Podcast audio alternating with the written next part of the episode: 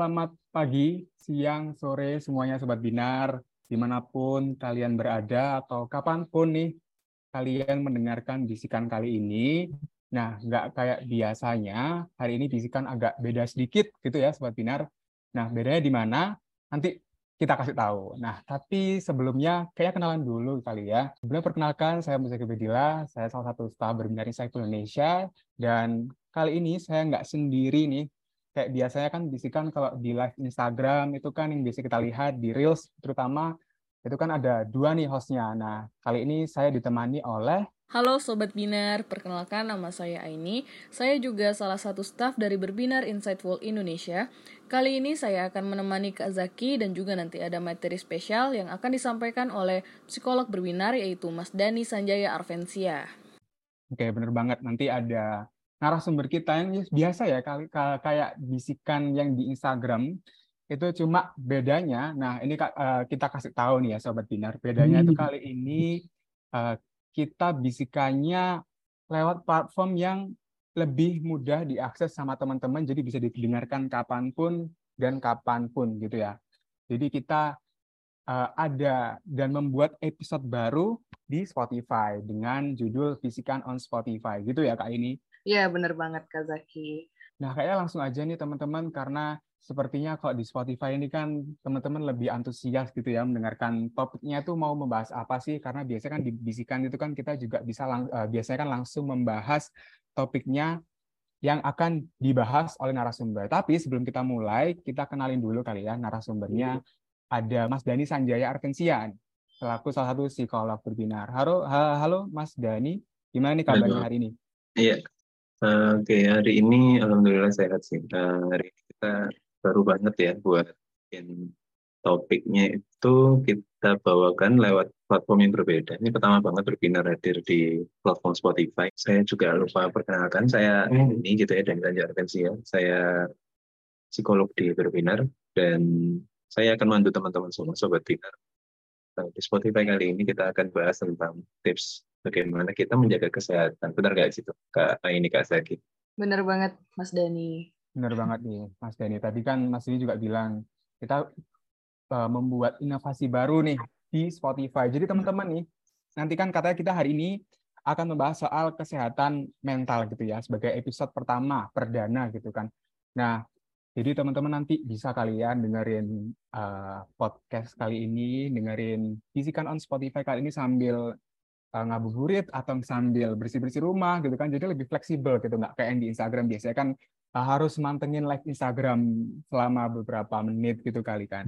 Nah hmm. kayaknya bisa langsung aja nih Kak ini sama Mas Dani membahas topik soal tips menjaga kesehatan mental. Oke, Mas Dani kan uh, mungkin dari kita kayak di kehidupan sehari-hari gitu, Mas Dani kayak misalnya nih ada masalah datang gitu terus ada masalah lagi datang ke kita terus kayak masalahnya kok nggak kok nggak berhenti berhenti nih datangnya ke kita gitu mas Dani. Terus pasti nanti akhirnya kita jadi burn out atau jadi kayak duh ini gimana ya cara aku ngatasinya? Terus nanti semakin kepikiran semakin kepikiran nanti jadinya malah jadi gimana ya mas? Kayak kayak langsung tertekan gitu mas kitanya. Terus eh, apakah kayak kondisi tadi itu bisa disebut sebagai kondisi mentalnya baik atau buruk gitu mas? Terus gimana apa sih bedanya kondisi mental yang baik sama kondisi mental yang buruk gitu mas? Hmm, jadi kalau kita membahas tentang kondisi kesehatan mental seseorang itu gradasinya macam-macam ya. Mulai dari yang kita bisa bilang seleb kita secara mental kemudian ada kecenderungan gitu ya ke arah uh, gangguan mental tertentu uh, atau sebelum ke sana mungkin kita bisa bilang itu normal bermasalah gitu ya. Ya, ya seperti biasa, tapi kemudian ada kayak uh, apa sih kayak pusing atau sulit tidur dan segala macam kayak gitu. Tadi yang, yang ketiga berikutnya adalah kecenderungan ke gangguan mental tertentu gitu ya. Jadi ada gejala-gejala yang sudah mengarah kepada gangguan mental tertentu. Terus kemudian masuk ke level berikutnya itu ada yang namanya gangguan psikologis atau gangguan mental yang ringan gitu ya. Kemudian baru ke level medium, kemudian baru ke terakhir yang parah atau severe gitu. Ya. Nah kalau sudah di level yang parah biasanya atau uh, ringan, sedang ya separah itu nanti biasanya sudah harus memperoleh penanganan yang lebih lanjut, yang serius sama psikolog. Dan kalau tadi si apa Kak ini bilang apa sih sebenarnya kalau kita itu lagi burnout, terus kemudian uh, burnoutnya itu termasuk kesehatan mental yang seperti apa, baik atau buruk gitu. Dan burnout itu bisa jadi salah satu uh, gejala awal ya kalau kita mau bilang ke arah ke gangguan stres. Tapi uh, tinggal bagaimana sih sebenarnya uh, burnout yang dimaksud itu karena kan kayak zaman sekarang teman-teman itu sobat biner pasti tahu di dirinya sendiri atau di lingkungan sekitarnya itu pasti bilang kayak kayaknya aku udah full nih otakku atau mungkin aku udah burnout, aku udah stres, aku udah gini segala macam dia uh, apa ya mendiagnosis sendiri gitu kan. Nah, berarti tapi uh, itu yang dialami itu belum tentu sama seperti yang dialami orang lain. Apa yang dia alami belum tentu sama seperti yang dialami apa yang dia baca gitu kan. Dan apa yang dia alami itu pasti punya kekhasan dibandingkan sama orang lain. Jadi kalau mau dibilang baik atau buruk, ya itu pasti akan mengarah ke buruk. Dan kondisi yang mental yang buruk itu perlu segera diberikan penanganan supaya ya jadi makin berlarut-larut. Nah, di sini makanya kita akan bahas gimana sih sebenarnya uh, kesehatan mental itu bisa kita jaga dengan baik. Apalagi sekarang kan uh, lagi puasa ya Kak lagi sama Kak Aini ya. Jadi penting banget sih buat kita bisa menjaga kesehatan mental supaya nggak kesampai ke level yang normal bermasalah uh, kecenderungan atau bahkan sampai ke gangguan yang serius ya gitu. Itu Aini. Oke, berarti kayak kondisi mental itu ada beberapa levelnya gitu ya, Mas. Terus kita yeah, juga iya. nggak yeah. boleh nggak boleh self diagnose kayak misalnya kita ngerasain sesuatu terus kita buka Google gitu mas terus ngebaca terus eh kayaknya aku ngalamin ini deh berarti aku eh, diagnosanya ini berarti kita nggak boleh diagnosa sendiri gitu ya mas berarti harus ke yang ahli gitu mas ke yang profesional boleh sih sebenarnya tapi ya saya tadi asalkan memang uh, maksudnya boleh itu boleh kita ngecek-ngecek tapi untuk sampai ke level diagnosa itu tuh maka yang berhak melakukannya itu adalah orang yang sudah uh, menjalani pendidikan tertentu yang itu bisa dikatakan tadi yang profesional atau pengalaman tadi itu gitu ya. Jadi uh, ya minimal para psikolog atau psikiater yang dia itu memang pengalaman atau sudah mengalami pendidikan di bidang kesehatan mental jadi dia bisa ngomong itu tuh gimana sih gitu kondisinya tapi kan sekarang yang beredar di teman-teman Biner kan dibaca di TikTok, di Instagram, berbagai sosmed kan sebenarnya banyak sih media-media itu yang memudahkan kita untuk ngecek sebenarnya kita ada di kondisi yang mana. Nah, boleh dipakai, tapi itu tadi kita nggak boleh langsung bilang, wah jangan-jangan aku kayak gini, jangan-jangan aku kayak gini. Itu itu yang harus dihindari. Itu kalau mau memastikan lagi, ya boleh tahu, tapi kemudian beneran nggak sih yang sudah aku cek itu kita harus tanya itu sama sudah pakarnya itu atau mungkin yang berpengalaman lah paling nggak kayak gitu. berarti kita boleh ngecek tapi kita nggak boleh langsung uh, diagnosa mm -hmm. diri sendiri gitu ya mas mm -hmm. karena memang banyak sekali sih ilmuwan psikologi zaman sekarang itu yang uh, pingin banget masyarakat itu bisa aware tentang kesehatan mentalnya gitu kan. Kalau misalkan teman-teman sobat biner tahu ada kan sekarang alat yang sih buat kita ngecek uh, sih kolesterol gula darah gitu kan ya yang kemudian satunya lagi itu uh, tekanan darah ya tiga itu lah pokoknya ya. Nah, terus itu kan diciptakan untuk kita tuh di daily activities di rumah itu biar bisa tahu gitu kan kondisinya gimana sih kita itu sehari-harinya. Nah, di psikologi pun juga gitu. Ada banyak sekali alat-alat tes yang itu sebenarnya di-share secara gratis dan uh, bisa digunakan masyarakat umum untuk bisa tahu sebenarnya kondisi kita itu kayak gimana. Cuma itu tadi, kita nggak boleh langsung meyakini itu 100% karena kita perlu ngecek uh, ke uh, yang sudah uh, ahli di bidangnya. Itu. Oke, Mas Dani. Selanjutnya nih, Mas, uh, gimana sih apa sih akibatnya kalau misalnya kita tuh nggak menjaga kesehatan mental kita? Apalagi kan sekarang lagi uh, lagi bulan puasa gitu ya mas. Apa sih akibatnya kalau misalnya kita nggak ngejaga kesehatan mental kita? Um, yang pasti kalau kita nggak bisa menjaga kesehatan mental kita aktivitas-aktivitas keseharian kita itu yang tiap hari kita lakukan rutinitasnya itu jadi kurang optimal dikerjain jadi mungkin biasanya itu bisa skornya bisa 90 sampai 100 karena lagi nggak bagus kesehatan mentalnya jadi nggak sampai bisa 90 sampai 100 bisa di bawahnya atau bahkan jatuh banget di bawahnya. Jadi eh, pengaruhnya uh, kerasa banget harusnya kayak gitu. Tapi mungkin itu uh, itu tadi saya bilang uh, bisa di bawah 90 sampai 100 atau bahkan di bawah jatuh di bawahnya itu tergantung dari kondisi orangnya masing-masing kayak gitu. Apakah bakal segitu atau yang jatuh itu kan kemampuan orang untuk mengelola kesehatan mentalnya itu beda-beda. Penting banget sih eh, untuk kita bisa memastikan itu. Apalagi di bulan puasa ya. Bulan puasa kan hmm, sudah energi kita itu terfokus untuk kegiatan-kegiatan yang mungkin rutin banyak gitu ya. Nah, sehingga kadang-kadang energi yang digunakan untuk menjaga mental kita itu juga kadang-kadang habis juga gitu. Makanya lebih mudah kepancing emosi kayak gitu gitu. Jadi akhirnya kesehatan mentalnya jadi nggak bagus juga. Itu jadi penting sih penting banget sih buat kita jaga kesehatan mental. Itu kain ya Mas Dani tadi udah dijelasin ya Mas. Sangat penting kita untuk menjaga kesehatan mental kita. Nah untuk menjaga kesehatan mental kita pasti ada beberapa cara gitu Mas. Beberapa tips gitu. Hmm. nah kira-kira apa aja sih Mas tipsnya agar kita bisa menjaga kesehatan mental kita Oke, okay. karena kita ini lagi ngebahas topik yang sebenarnya itu sudah diposting ya sama uh, berbinar di akun Instagram berbinar. Jadi teman-teman sobat boleh banget sih kalau misalkan kurang suka sama model dengar di Spotify, tapi sukanya lebih membaca. Karena ini sebenarnya sudah kita bahas banget di uh, topik Instagram kita yang di tanggal 26 Maret itu tentang tips menjaga kesehatan mental. Di situ kalau kita kulik lagi, kita bahas lagi di dalam Instagram itu gitu ya. Sebenarnya ada beberapa cara ya. Pertama itu tetap positif gitu kan kalau kata ini kalau kita cek di situ tuh kayak gitu. Kemudian ada memiliki rasa syukur, kemudian menjaga kesehatan fisik tiga hal penting ya, tiga poin utama. Nanti akan aku jelasin lebih lanjut situ, Mas. Intinya tetap positif itu ke bagaimana kita itu cara berpikir kita, cara berperilaku kita itu stay on positive way gitu ya, tetap dalam posisi yang positif. Kemudian memiliki rasa syukur itu setiap hal yang kita lalui, terus selalu kita evaluasi, terus kita uh, maknai secara positif. Gitu. Tetap arahnya tetap ke positif juga rasa syukur itu.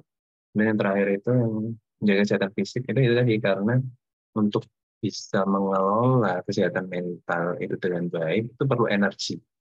Dan energi itu bisa kita dapat dari kita kan menjaga kesehatan fisik. Ya termasuk tadi itu makan kemudian kita olahraga yang cukup istirahat yang cukup gitu ya.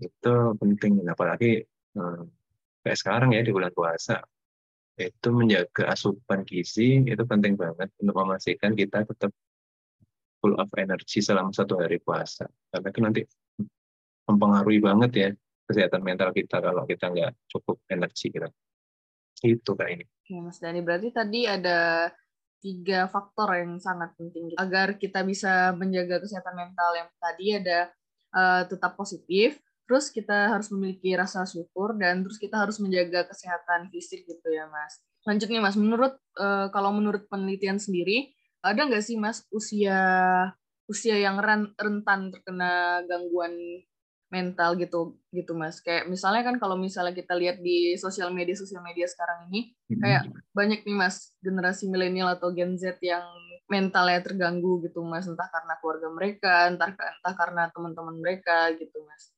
Apakah ada usia-usia tertentu gitu mas yang ngerasain ini gitu?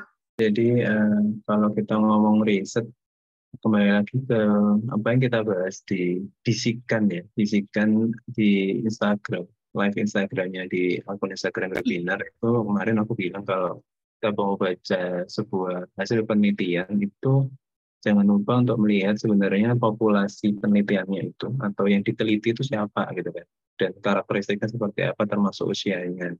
Nah, kebetulan nih ya, kebetulan banget yang ditampilkan di dalam konten Instagram webinar di tanggal 26 Maret itu yang kita cuplik dari um, dari riset kesehatan dasar ya, Riskesdas itu dikutip lagi gitu ya oleh UGM gitu ya, itu bahwa sebenarnya usia remaja itu yang rentan mengalami uh, gangguan kesehatan mental. Khususnya kalau yang di titik poinnya di situ adalah sebenarnya adalah depresi ya jadi anak usia remaja itu kalau di sana dibahasakan usianya 15 sampai 24 tahun gitu kan itu punya kerentanan kerentanan berarti memiliki kemungkinan yang paling besar buat mengalami depresi. Jadi anak-anak itu bakal seperti itu. Gitu kan. Uh, itu berarti apa sebenarnya kan kalau kita ngomong remaja itu kan masa-masa transisi. Jadi masa-masa transisi itu banyak sekali yang namanya pertanyaan-pertanyaan diri. Kemudian banyak sekali hal-hal yang ingin diketahui. Terus kemudian uh, informasi itu masuk begitu mudahnya gitu ya ke dalam diri kita. Tapi kita sendiri juga masih dalam tahapan memilah gitu kan mana sih yang sebenarnya bagus buat kita mana yang enggak. Nah situasi seperti itu kan pasti uh, sangat membutuhkan support lingkungan kemudian kondisi fisik yang prima supaya kita itu bisa uh, mengetahui mana sih yang bagus buat kita di masa yang akan datang. Itu kan nanti akan membentuk kita di masa dewasa kita nanti kan. Karena remaja ini kan salah satu fondasi ya buat kita mau melaju ke arah dewasa. Jadi karena begitu rentannya masa transisi ini sehingga ketika support lingkungan kemudian kondisi fisik yang juga kurang memadai itu menyebabkan uh, potensi terhadap kesehatan mental yang buruk itu uh, begitu besar gitu kan. Kalau di dalam riset itu kan dibilang 6,2 persen sebenarnya itu lebih tinggi daripada usia-usia lainnya. Itu kan. Oke, Mas Dani berarti kayak uh, usia remaja itu yang rentan terkena gangguan mental gitu ya mas. Terus hmm. kayak misalnya nih kalau kayak misalnya Kak Zaki atau aku sendiri atau Mas Dadi juga punya teman atau atau keluarga atau pokoknya orang sekitarnya yang yang kesehatan mentalnya terganggu gitu mas. Terus kita kita nih sebagai orang di sekitarnya apa sih yang bisa kita lakukan atau gimana sih cara menghadapi teman yang yang kesehatan mentalnya itu terganggu gitu mas? uh, apa yang kita lakuin ya kalau ada teman yang kayak gitu maka itu ya, jadi kan uh, support ya kita sebagai orang yang terdekat itu kan yang paling memahami si teman kita itu ya jadi paling bagus buat kita itu ada buat dia di saat dia butuhkan khususnya ketika dia lagi uh, di saat-saat sulit. Tapi memang uh, bukan berarti kalau kita ada dan support teman kita itu itu terus berarti kita itu yang paling tahu gitu ya tentang kondisinya dia. Karena ada situasi di mana teman kita itu sebenarnya bukan ingin diberitahu tapi ingin dipahami gitu kan. Dan kalau kita ngomong dipahami kalau ingin dipahami berarti kan sebenarnya kan ada hal-hal yang itu mungkin berbeda sudut pandangnya dari apa yang kita bayangkan. Jadi dia maunya apa kita maunya apa itu kan akan sulit ketemu ya karena dua kepala yang berbeda gitu. itu sih kita coba untuk pastikan uh, yang dimau apa yang dipikirkan apa gitu ya. Meluangkan waktu gitu ya buat teman kita itu untuk dia bisa cerita sebenarnya apa yang dia rasakan gitu. Dan kalau kita tahu dia di posisi yang lagi butuh curhat atau butuh di support terus bukan berarti juga kita paksa buat dia cerita gitu kita paham dia perlu curhat tapi kan untuk bercerita untuk curhat itu kan butuh momen yang pas gitu kan. Dan kalau butuh momen yang pas maka kita juga harus tahu kapan sih momen yang pas buat teman kita itu lah itu. Ini kadang-kadang kita pengen bantu tapi kadang-kadang waktunya nggak pas gitu kan. Jadinya akhirnya nggak optimal juga itu. Pengen bantunya itu akhirnya tujuan baiknya nggak tersampaikan karena dia belum mau cerita dulu itu juga harus paham sebagai teman segitu pentingnya peran kita buat dia karena ada banyak sekali orang yang kalau ada masalah itu enggak yang semudah itu buat nyelesainnya, tapi uh, mereka butuh support lingkungan. Makanya bersyukur banget sih buat sobat biner yang uh, memiliki kemampuan uh, manajemen konflik yang bagus. Jadi ketika ada permasalahan yang muncul, ya bisa mengelola itu dengan baik, menemukan cara penyelesaiannya gitu kan tanpa harus uh, melibatkan support dari lingkungan sekitar. Itu you know, orang-orang yang tidak semua orang yang bisa seperti itu. Tapi buat orang-orang yang tidak bisa seperti itu juga jangan khawatir karena di sekitar kalian gitu ya sekitar sobat binar semua itu ada orang-orang yang sebenarnya care sama teman-teman sobat binar gitu dan tentunya salah satunya uh, berbinar ya pasti ya kak ini kak Mozaki ya dan kita uh, selalu menekankan atau punya hashtag atau punya semboyan itu kalau kita selalu ada buat kamu gitu ya. Jadi berbinar selalu ada buat sobat binar. Dan salah satu caranya teman-teman bisa banget buat curhat sama salah satu produknya di berbinar ya kayak Zaki sama kayak ini itu di produk yang namanya Peer. Jadi teman-teman itu bisa banget buat cerita gitu ya dengan yang usianya itu sebaya.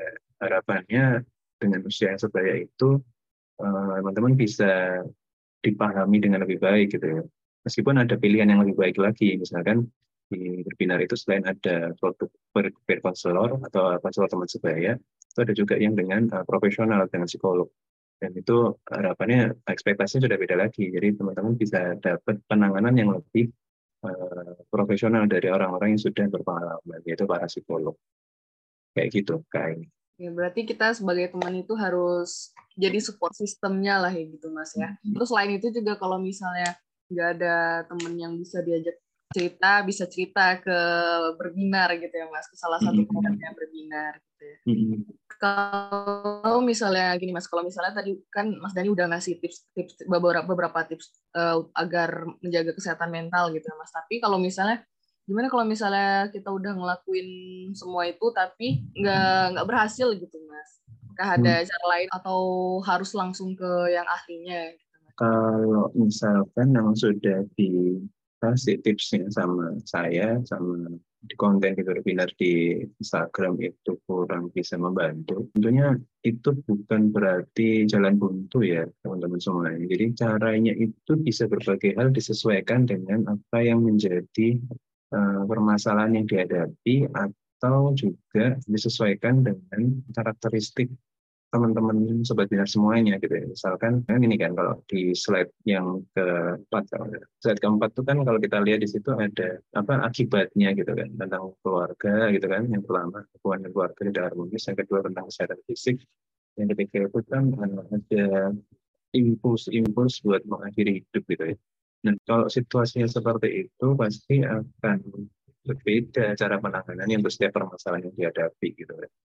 Kalau misalkan tentang keluarga gitu kan maka eh, kita eh, nggak uh, bisa cuma sekedar dengan tips yang tiga tadi dengan positive thinking apa ya uh, bersyukur sama yang menjaga kesehatan fisik. Tapi kita juga perlu cari cara untuk Eh, membangun komunikasi dengan keluarga gitu kan membangun komunikasi dengan teman. Yang awalnya tidak harmonis jadi harmonis terus membangun komunikasi itu juga saya yakin tidak semudah itu buat sobat pintar tapi uh, kan kita bisa meminta pendapat kepada orang lain gitu kan jadi apa yang diberikan maksudnya sumber informasi tentang bagaimana cara menjaga kesehatan mental itu tidak hanya di satu sumber saja, di berbinar aja, atau di kontennya berbinar, atau lewat bisikan ini. Tapi teman-teman juga bisa diskusi dengan orang yang dirasa tepat, orang dekat, teman, atau mungkin anggota keluarga yang lain yang kebetulan relasinya juga masih bagus,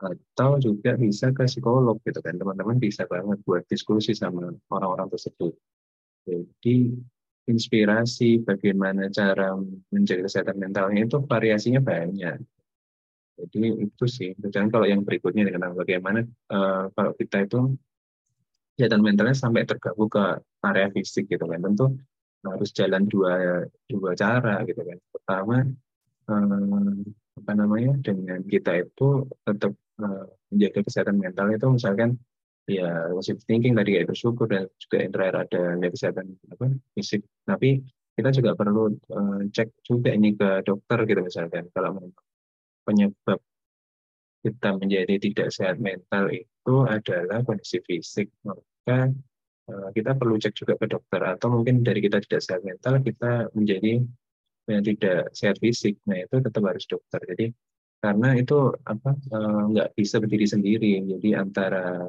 kesehatan fisik dan kesehatan mental itu tetap harus sinkron. Makanya nggak bisa cuma kita mengandalkan dari cuma baca sendiri atau ke psikolog aja, tapi juga tetap perlu ke dokter. Gitu. Dan yang terakhir tentang uh, berpikir untuk mengakhiri hidup. Itu tentu jadi lebih serius lagi kalau konteksnya seperti itu. Jadi kalau tidak cukup dengan positive thinking karena kita sudah merasa ini sudah jalan buntu, tidak ada cara lain, kemudian atau uh, dari dengan bersyukur mengevaluasi kita sudah bersyukur tapi tetap aja merasa seperti ini terus kemudian yang terakhir fisikku juga aku makan teratur segala macam kayak gitu kan tapi tetap aja rasa ini itu tidak pernah bisa lebih baik karena satu-satunya cara ya dengan itu tadi gitu kan apa suicidal ideation.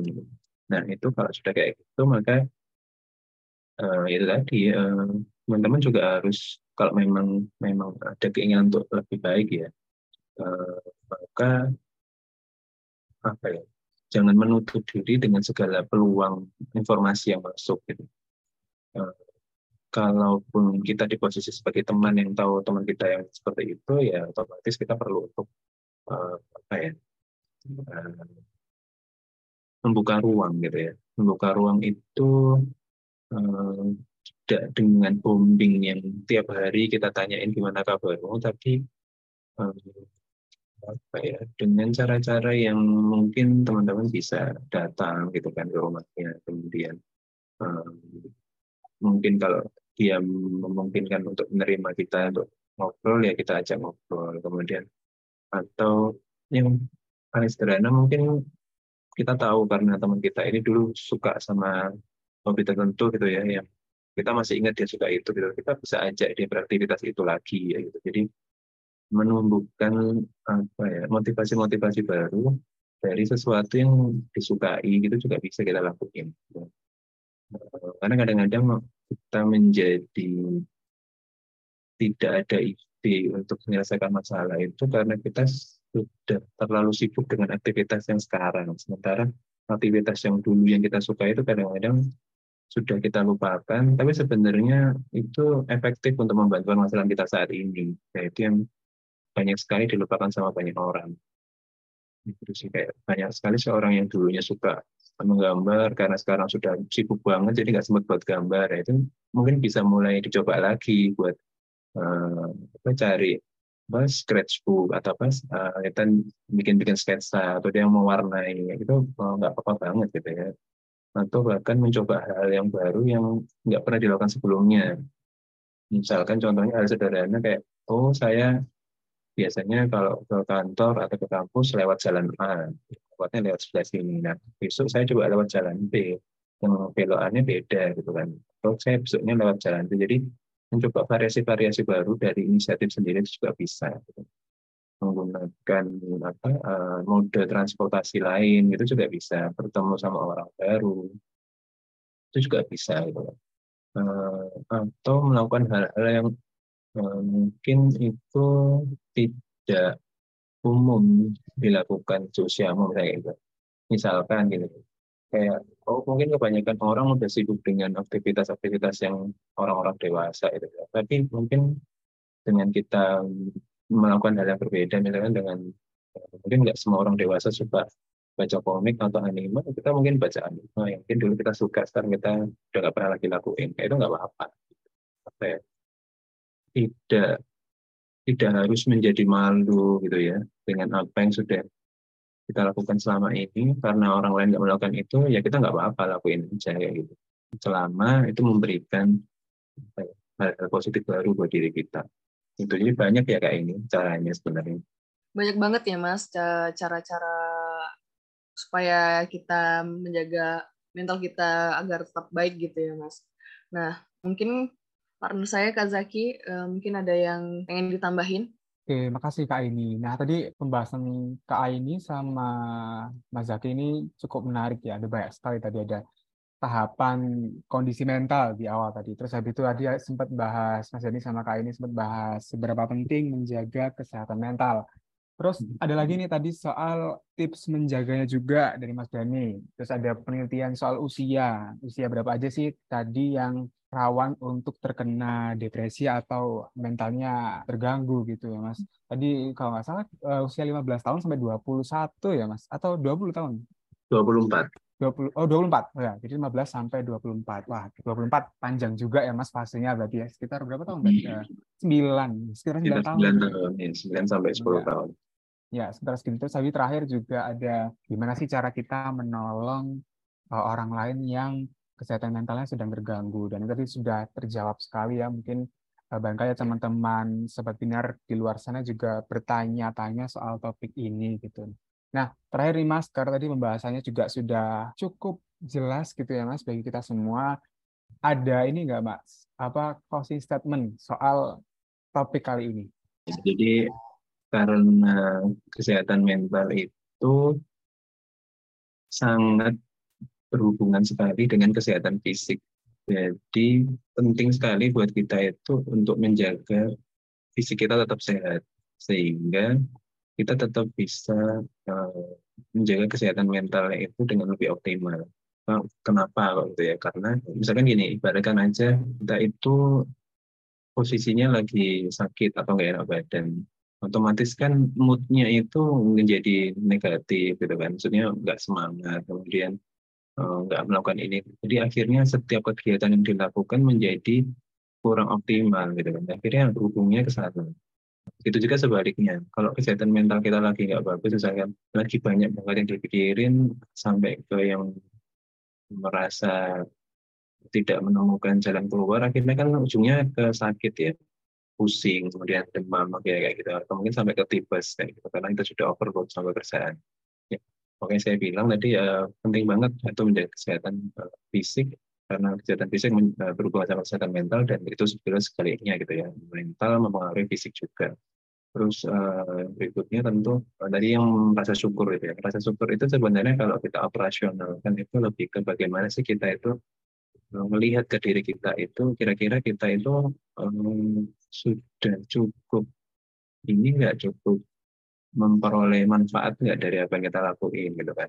Kita ini sudah uh, jadi lebih baik nggak daripada sebelumnya kayak gitu kan? Atau kita ini sudah bikin orang lain jadi lebih baik nggak? Misalnya kayak gitu itu uh, syukur yang mungkin bisa kita gunakan nah, dan terutama gini kalau misalnya kita ngomong mengarahkannya ke diri kita sendiri itu uh, kayak aku sering bilang itu kayak gelas gitu loh.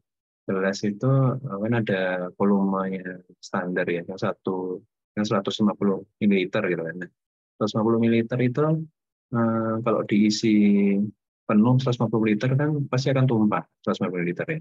Nah, uh, kalau misalkan kita gitu ya, kita itu tahu, kita nggak pernah, kita itu tahu kan, kita tuh nggak pernah tahu gelas kita seberapa gitu. Ya ini nggak pernah tahu ukuran gelasnya seberapa. Zaki juga nggak tahu, karena ukuran gelas ini kita ibaratkan kemampuan kita itu mengelola emosi gitu. Nah, kalau kita sudah penuh, berarti otomatis kan kayak muntah gitu ya.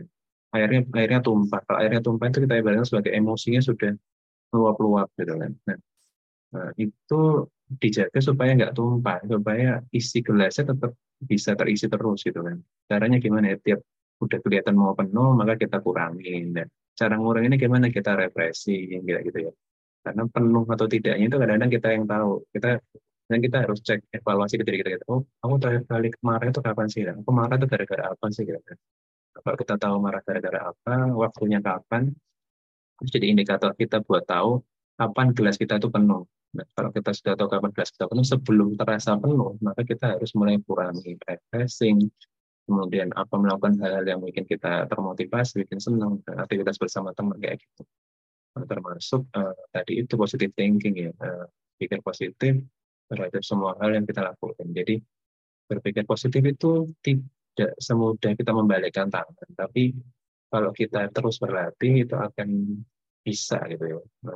Dan mungkin itu nggak bisa sehari dua hari, tapi kita bisa lakukan itu dengan sedikit demi sedikit setiap harinya gitu. Misalnya kita coba setiap ada permasalahan sesuatu, coba kita cari alasan reasoning yang tepat gitu sehingga masuknya ke diri kita itu nggak selalu negatif. Misalkan contohnya kayak gitu.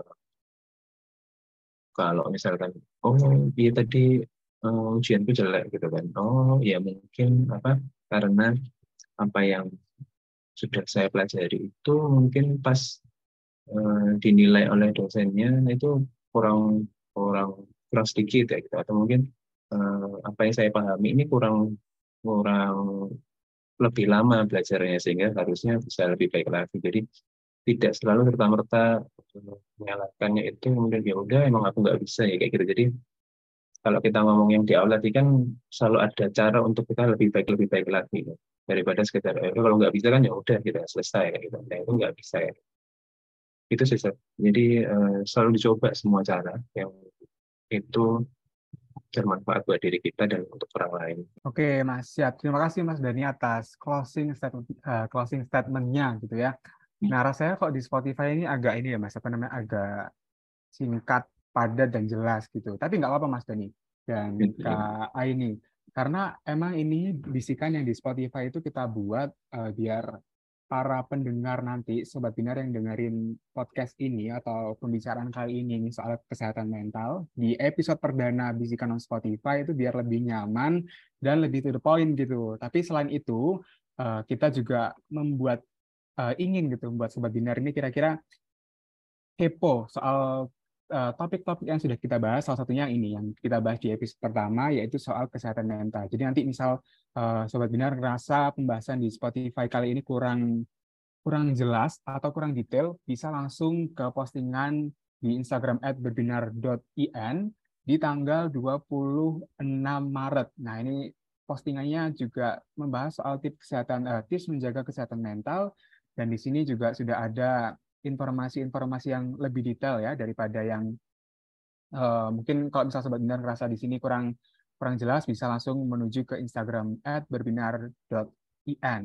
Tapi karena bisikan kali ini sudah selesai, sebelumnya aku mau izin uh, mempromosikan jadi sobat binar yang sekiranya nih tadi kan membahasnya topiknya soal kesehatan mental. Nah, kira-kira sobat binar misal ada yang ingin untuk mengajukan konseling atau psikotes dan bingung mau nyari ke mana, Sobat Binar bisa langsung aja cek di Instagram, juga masih sama di Instagramnya at berbinar.in, Instagram berbinar Insight Indonesia, dan itu bisa dicek di postingan sematanya, itu nanti tertera uh, harganya nih teman-teman semuanya, harga soal layanan konseling, uh, dan juga informasi-informasi yang lebih detail soal layanan psikotes yang disediakan oleh Berbinar Insightful Indonesia.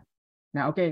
Uh, terima kasih Mas Jani atas uh, informasinya nih soal penjelasan tips menjaga kesehatan mentalnya juga soal uh, dan juga terima kasih untuk Kak Aini yang sudah uh, menemani dan memandu tanya jawab pada bisikan on Spotify kali ini. Oke, sekian episode perdana bisikan kali ini dan sampai jumpa di lain waktu dan di lain episode. Terima kasih.